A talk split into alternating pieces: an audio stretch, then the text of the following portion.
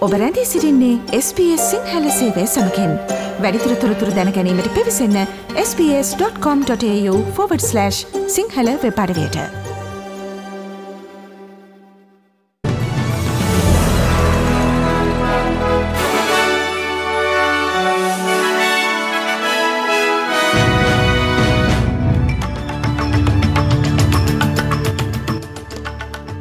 මුලින්ම සිරස්තල සේවා කොන්දේසිවලට එරෙහි විරෝධතාවයක් ලෙස ඒජ්කයා සේවකයන් පිරිසක් අද දින රැකියාවෙන් ඉවත්ව සිටී. පෙඩරල් මැතිවරණය සඳහා පූරු චන්දය ප්‍රකාශ කිරීම ඊයේ දිනයේදී ආරම්භ විය. ශ්‍රී ලංකාවේ අගමැති ඉල්ලා ස්වේ රටපුරා ඇඳිරි නීතිය. රුසියානු ජනාධිපති යුක්්‍රණය ආක්‍රමණය කිරීම සාධාරණීකරණය කිරීමේ උත්සාහයක.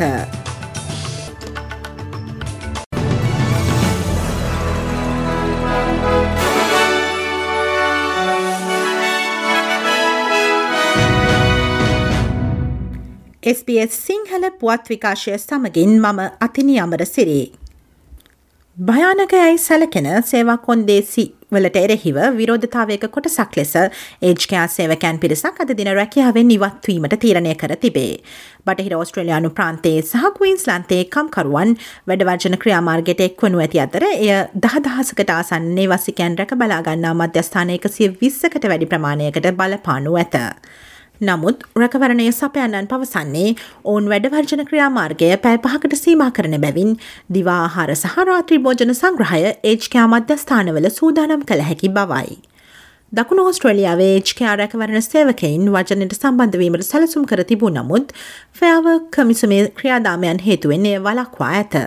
දකුණු ඔස්ට්‍රලියාවේ ඒජ්කයා සේවා සපයන්නන් දෙදෙනෙක් වන ඇංගලිකයා සහ සදන් ක්‍රොස්කයා මගින් වැඩවර්ජන ක්‍රියාමාර්ගෙන් නැවැත්වීම සඳහා ෆයාව කොමිසම වෙත ඔවුන්ගේ නඩුව ගෙන යන ලදී.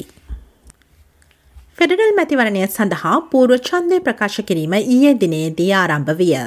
මැයි විසියෙක් වන සෙනසුරාදා මැතිවරණ දිනයට පෙරාතුව චන්ද මධ්‍යස්ථාන පන්සිය පණහක් පමණ රටපුරා විවෘත්තව පවතිී. ඔස්ට්‍රලයානු මැතිවරණ කොමිසම පවසන්නේ මැතිවරණ දිනේ පුද්ගලිකව ඡන්දය ප්‍රකාශ කළ හැකි ඕනෑම අයෙකු එසේ කළ යුතු නමුත් එසේ කළ නොහැකි අයට විකල්ප ඕනා තරම් තිබෙන බවයි. කෙසේ වෙතත් ඔස්ට්‍රලයානු මැතිවරණ කොමිසම චන්දදායකයින්ගෙන් ඉවසිලිවන්තව සිටින ලෙස ඉල්ලා සිටින අතර කොවිD දහනමය තවමත් චන්ද ක්‍රියාවලියට බාධා කළ හැකි බව පවසන ලදී. ඔස්ට්‍රලියාවේ ප්‍රථම වලට ඡන්දය ප්‍රකාශ කරන බොහෝ තරුණියන්ට රටේ දේශපාලනයෙන් තමන් ඈඩ් කර ඇති බවක් හැඟෙන බව නවතම අධ්‍යයනයකින් හෙළිවී තිබේ. ප්ලෑන් ඉන්ටර්නශනල් ඔස්ට්‍රලියා ඇතනය ඒ දිනේදී නිකුත් කරන ලද පර්යේෂණයකට අනුව පෙන්නුම් කරන්නේ ඔස්ට්‍රලයානු තරුණ කාන්තාවන්ගෙන් සයට හැත්ත දෙකට දේශපාලනය තමන්ට සමාන හෝ තමා අයත් අවකාශයක් ලෙස නොහැඟෙන බවයි. සමීක්ෂණයට ලක්වූ තරුණියන්ගෙන් සයට හැටක් කියා සිටියේ නිවැරදි කිරීම් සිදු කරන බවට රජය පොරොන්දුවද පසුගේ වසර තුළ පාර්ලිමේන්තුව වඩත් ආරක්ෂිත හෝ සමාන වූ බවක් තමන්ට දැනුනේ නැති බවයි. ප්ලෑන් ඉන්ටර්නශනල් ඔස්ට්‍රලියහි ප්‍රධාන විදායක නිලධාරිණී සුසෙන් ලෙජෙනා SBS ප්‍රෝට්ටි සේවය වෙත පැවසුවේ මෙම පර්යේෂණ වාර්තාව සොයා ගැනීම පිළිබඳව තමන් දැඩි කනස්සල්ලට පත්ව සිටින බවයි. ඔස්ට්‍රලයානු දේශපාලනයෙන් එන විශ්ව සංස්කෘතිය හරහා ගැහනු ළමයින් සහ තරුණ තරුණයන් පාර්ලිමේන්තු වෘතියකට යොමුවීම වලක් වන බව මෙම වාර්තාව සොයාගෙන ඇති බව ඇය සඳහන් කලාය. එහි ප්‍රතිඵලයක් ලෙස රට දීප්තිමත් අනාගතයක් සඳහා පරිවර්තනය කළ හැකි බලගතු සහ විවිධ පුද්ගලයින්ගෙන් යුතු සමස්ත පරම්පරාවක් අපට අහිමි වන බවත් සමස්ත ගැහැණු දරු පරපුරම දේශපාලනය උන්ට සුදුසු නොවේ යන පණිවිඩය සමඟ වැඩෙන බවත් අපි දැන් එය වෙනස් කළ යුතු බවත් ඇය වැඩිදුරටත් ප්‍රකාශ කලාය. The report found that the toxic culture oozing through the heart of Australian politics is deterring girls and young people from careers in Parliament. The re- result is that we are losing out on an entire generation of bright, powerful, and diverse voices who could transform and lead this country for the better. An entire generation of girls is growing up with the message that politics is not for them. We have to change that. Liberal Apekshika Catherine Dames සංක්‍රාන්ති ලිංගික ප්‍රජාව පිළිබඳ ඇයගේ අදහස් සම්බන්ධයෙන් ඇය නිකුත් කළ විවේචන පිළිබඳව සමාව අයද සිටින බවක් පෙනෙන්නට තිබේ. ඇය මේ වන විට මකා දමා ඇති සමාජ මාධ්‍ය පණවිඩවල සංක්‍රාන්ති ලිංගික දරුවන් ශල්ලකර්මයෙන් විකෘති කළ විෂපීජහරණය කළ අය ලෙස විස්තර කිරීම නිසා සිද්නිහි වොරිංගාසනය සඳහා ඇගේ අපේක්ෂිකත්වය ප්‍රකාශයට පත් කිරීමේ සිටම ඩේව්ස් මහත්මිය මතබේදයට ලක්ව සිටී. ඇය විසින් පසුවම අදහස් සඳහා සමාවායද සිටි නමුත් ස්කයි නිවස් සමඟ සමුග සාකච්ඡාවකදී ඩේව්ස් මහත්මිය සිය ස්ථාවරය ආරක්ෂා කර ඇත. මෙම වචන භාවිතය ඉතා හැඟීම් බරවන නිසා මිනිසුන් අමනාපවනු ඇති නමුත් වෛද්‍ය නොසැලකිලිමත් වීමේ අවස්ථා දෙස බලන විට ඔවුන් භාවිතා කරන පරිභාෂිතය ඒ වන අතර නිව සෞත් වේල්ස් අපරාධ පනතේ අඩංගු වන්නේත් ඒ ආකාරයටයි යනුවෙන් ඇය මෙහිදී ප්‍රකාශ කරන ලදී. ඔබ ඇත්තටම සමාව ඉල්ලන්නේ හෝ එම භාෂාවෙන් ඉවත් වන්නේ ද යනුවෙන් මාධ්‍යවේදියෙකු නැගු පැනයට පිළිතුරු සපයමින් ඩෙව්ස් තවදුරටත් කියා සිටියේ මිනිසුන් එය වටහාගෙන ඇති ආකාරයත් එයට මුහුණ දෙන ආකාරයත් සහ එය අශෝභනයි යන කාරණය ගැන ඇය සමාය අයදෙන නමුත් එය නිවැරදි පරිභාෂිතය වන බවයි. Look, it's very emotive and it's uh, very confronting uh, and, and it's very ugly. So, of course, people are going to be offended. But when you look at medical negligence cases, that is the terminology that they use. Uh, it is also contained in the Crimes Act of New South Wales. So, you're not really apologising or stepping back from that language? Well, I'm apologising for how people might have perceived it uh, and the fact that it is confronting and it is ugly. And I certainly don't want to hurt anyone's feelings, but that is the correct terminology. උතුරු ක්වීන්ස්ලන්ත කලාපයට දැඩි වර්ෂාපතනයක් පුරෝකතනය කිරීමත් සමඟ අනතුරුදායක විය හැකි හදිසි ගංවතුර තත්ත්වයක් ඇති විය හැකි බවට වාර්තාවේ. ලෝන් ග්‍රීන්ච් වින්ටන් සහ ඒ අවට නගරවල පදිංචිකරුවන් අද උදෑසන සිට කුණාටු පිළිබඳව දැඩි කාලගුණික අනතුරු ඇඟවීමක් මගින් සේරුවෙන් තබා ඇත. කාලගුණික විද්‍යා කාර්යාංශය පවසන්නේ පැය හයක වර්ෂාපතනයක් මිලිමීටර් සිය දක්වා වැඩිවිය හැකි අතර මධ්‍යම බටහිර ප්‍රදේශයේ සමහර ප්‍රදේශවලට මිලිමීටර් එකසිය පණහක් දක්වා තද වැසි ඇතිවිය හැකි බවයි.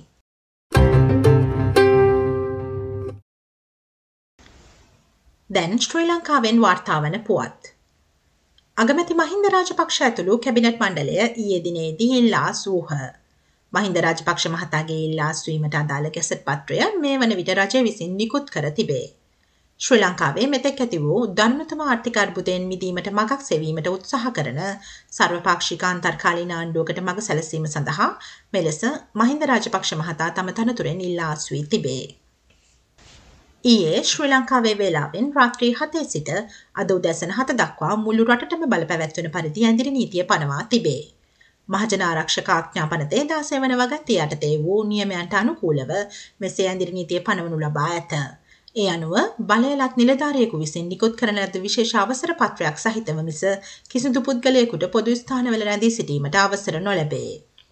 ඊයේ දිනේදී අගමැති මහින්ද රාජපක්ෂ මහතාට සිය දුරයින් ඉල්ලාස් නොවන ලෙස ඉල්ලීම් කරමින් පොදුජන පෙරමුණට අයත් ප්‍රාදේශීය මන්ත්‍රීන් ඇතුළු පිරිසක් අරලියගහ මන්දිරයේ අසල උද්ඝෝෂණයක නිරත වූහ. එහිදී අගමැති මහින්ද රාජපක්ෂ පිරිස ඇමතු අතර ව්‍යවස්ථාවට පිටුපෑමට කිසිවෙකුටත් අයිතියක් නොමැති බවත් අභියෝගවලට මුහුණදී ජය ගැනීම ඔහුගේ ප්‍රතිපත්තිය බවත් පවසා සිටියේය. ඉන් අනතුරුව මෙලෙස අගමැතිට සහය දීමට පැමිණි ආධාරකරුවන් පිරිස විසින් අරලිය ගහ මන්දිරය අසල විරෝධතාවල නියලී සිටි පිරිසට අයත් කූඩාරම් ඇතුළු දේපළවලට පහර දී අලාභහානි සිදු කොට තිබේ. ඉන් අනතුරුව එම පිරිස විසින් 31 වන දිනටත් ක්‍රියාත්මක වූ ගාලු මෝදුර ගෝඨාගෝගම නිර්පාක්ෂික සාමකාමී අරගල භූමියට අමානුෂික මැර ප්‍රහාරයක් එල්ල කරන ලදී. ප්‍රහාරය එල්ල කරන ලද එම පිරිස ගාලු මුදුරු අරගල භූමියට පැමිණීම වැළැක්වීමට පොලිසිය අසමත් වූ අතර මැර පිරිස එම ස්ථානයට කඩා වැදී අරගල භූමිය අට්ටාලගිනි තබා විනාශ කිරීමත් අරගලකරුවන්ට පහර දීමත් සිදු කළ අතර තත්ත්වය පාලනය කිරීමට පොලිසිය කඳුළු ගෑස් සහ ජල ප්‍රවහාර භාවිතා කරන ලදී. එහිදී අමානුෂික මැර ප්‍රහාරයට ලක්ව තුවාල ලැබූ පුද්ගලයන් එකසි අසූ තුන් දෙනෙකු ගිලන් රථ මගින් රෝහල් වෙත ගෙන යනු ලැබීය. ගාලු මුවදුර අරගොළ භූමියට මැර ප්‍රහාරයක් එල්ල කර ආපසු නිවෙස් බලා යමින් සිටි පිරිසට සහ ඔවුන් පැමිණි බස් රථවලට රටපුරා සෑම ප්‍රදේශයකදීම විරෝධතා එල්ල වී ඇතැයි වාර්තාවේ. එසේම ජනතාව විසින් සෑම ප්‍රදේශයකදීම මැති අමතිවරුන්ට විරෝධතා එල්ල කොට ඇති අතර ඇතැම් මන්ත්‍රීවරුන්ගේ නිවෙස් වලටද ප්‍රහාර එල්ල කිරීම සහ ගිනි තැබීම් සිදුකොට තිබේ. මේ අතර විපක්ෂනායක සජිත් ප්‍රේමදාස මහතාද ගැටමු සිදූ ස්ථානයට පැමිණි අතර ඔහුටද අරගලකරුවන්ගෙන් දැඩි විරෝධයක් එල්ල විය. එසේම ජනතා විමුක්ති පෙරමුණෙහි නායක අනුරු කුමාර දිසානායක මහතාද ගැටුම් පවතින ස්ථානයට පැමිණි අතර ඔහුටද යම් විරෝධතාවයක් එල්ල විය. නිට්ටපුව ප්‍රදේශයේදී සිදු වෙඩි තැබීමක් හේතුවෙන් පාර්ලිමේන්තු මන්ත්‍රී අමරකීර්ති අතුකෝරල මහතා ජීවිතක්ෂයට පත්ව ඇති බව වාර්තාවේ. එහිදී ඔහුගේ පෞද්ගලික ආරක්ෂක නිලධාරියාද මිය ගොස් තිබේ. ගැටමකදී ඇති වූ උණුසුම් තත්ත්වයක් සමඟ සිදුවුණු වෙඩි තැබීමකින් නොවුන් දෙදෙනා මෙලෙස ජීවිතක්ෂයට පත්ව ඇතැයි වාර්තාවේ. වෙඩි තැබීමෙන් තුවාල ලැබූ තිදෙනෙකු ඇතුළු හය දෙනෙකු අතුපිටිවල රෝහලට ඇතුළත් කර ප්‍රතිකාර ලබමින් සිටින අතර එක් පුද්ගලයෙකුගේ තත්ත්වය බරපතල බව රෝහල් ආරංචි මාර්ග සඳහන් කරයි. දැන් විදෙස් පුවතක්. රුසියානු ජනාධිපති ව්ලඩිමීර් පුටින් යුක්්‍රේණය ආක්‍රමණය කිරීම සාධාරණීකරණය කිරීමට උත්සාහ කර ඇත්තේ ජාතික ආරක්ෂාව යන හේතුව දක්වමිනි. මොස්කව්හි පැවති නිදහස් දින පෙළපාලියේ දේශනයකදී පුටින් මහතා සාක්ෂි නොමැතිවම චෝදනා කළේ නේටෝව රුසියාවට ආසන්න ඉඩම් ගවේශණය කරමින් සිටින බවයි. ඔහු කියා සිටියේ යුක්්‍රේණයට එල්ල වූ ප්‍රහාරය නිවැරදි තීරණයක් බවයි. ඔවුන්ට කිසිසේත්ම පිළිගත නොහැකි තර්ජනයක් නිර්මාණය වූ අතර ඔවුන්ගේ දේශසීමා අසල මිලිටරි යටිතල පහසුකම් සංවර්ධනය වන ආකාරයත් විදේශීය උපදේශකයින් සිය ගණනක් වැඩ කිරීමට පටන් ගත් ආකාරයත් නේටෝ රටවලින් නවීනතම ආයුධ නිතිපතා බෙදා හැරි ආකාරයත් ඔවුන් දුටු බව ඔහු ප්‍රකාශ කළේය. අන්තරාය දිනෙන් දින වර්තනය වූ අතර රුසියාව කලින් කල ආක්‍රමණයන් පලවා හැරි බවත් මෙය බලහත්කාරයෙන් නැති කරන ලද කාලෝචිත සහ එකම නිවැරදි තීරණය බවත් ඔහු වැඩිදුරටත් ප්‍රකාශ කර සිටියේය. Уважаемые товарищи, An absolutely unacceptable threat was created for us.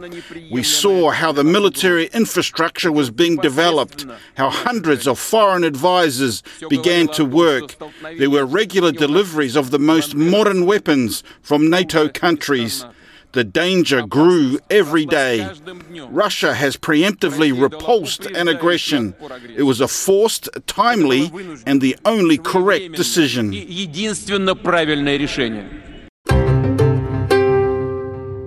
දැන් ක්‍රීඩා පුවතක්. ඕස්ට්‍රලියාවේ කනිෂ්ඨ රෝදපුටු ටෙනිස් කණ්ඩායම මහා බ්‍රිතාන්‍ය පරදවා පුතුගලයේ පැවති ලෝක කුසලාන කණ්ඩායම් කුසලානය දිනා ගැනීමට සමත් විය. නවයවුන් වී පසුවන ඩනන් වෝඩ් සලිම් නස සහ රයිලි ඩන්ස්ටේ යන ක්‍රීඩකයන් තිදෙනා දෙකට එකක් ලෙස ප්‍රමුඛ පෙළේ ක්‍රීඩකයන් පරාජය කරමින් ජයග්‍රහණයක් කරගත් දෙවන අවස්ථාව මෙයයි. එයින් දහසය හැවරති රයිලි ඩම්ස්ටේ පළමු කේවල් තරගයේදී ජොෂුවා ජෝන්ස් හයට එකක් ලෙස පරාජය කරමින් තම කණ්ඩායම ඉක්මනින් ඉදිරියට ගෙන යාමට උදව් කළේය. ඔහු එම අත්දැකීම විස්තර කළේ අපූරු අත්දැකීමක් ලෙසිනි.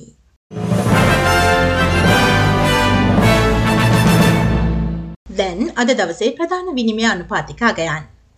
ඔස්ට්‍රලයානු ඩොලරයට සාපේක්ෂව ඇමරිකානු ඩොලරය සත හැට නමයයි බ්‍රිතාන්‍ය පවුම් සත පනස් හයයි යුරෝ සත හැට හයයි ජපන්යෙන් අනුවයි සත හැත්තෑවයි ශ්‍රී ලංකාරුපියල් දෙසිය පණහයි සත තිස් හතරයි.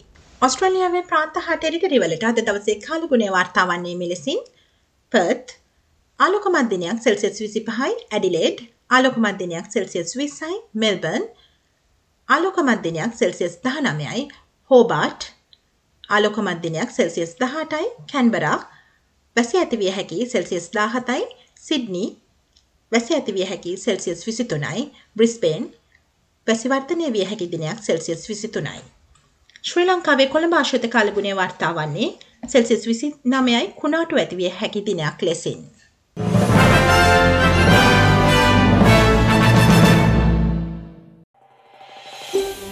මේ වගේ තවත්තොරතුරු දැනගන්න කැමතිද. එහෙමනම් Apple podcast Google podcast Spotify ඔබගේ පොඩ්කාස්ට ලබාගන්න ඕනේම මාතයකින් අපට සවන්දය හැකේ.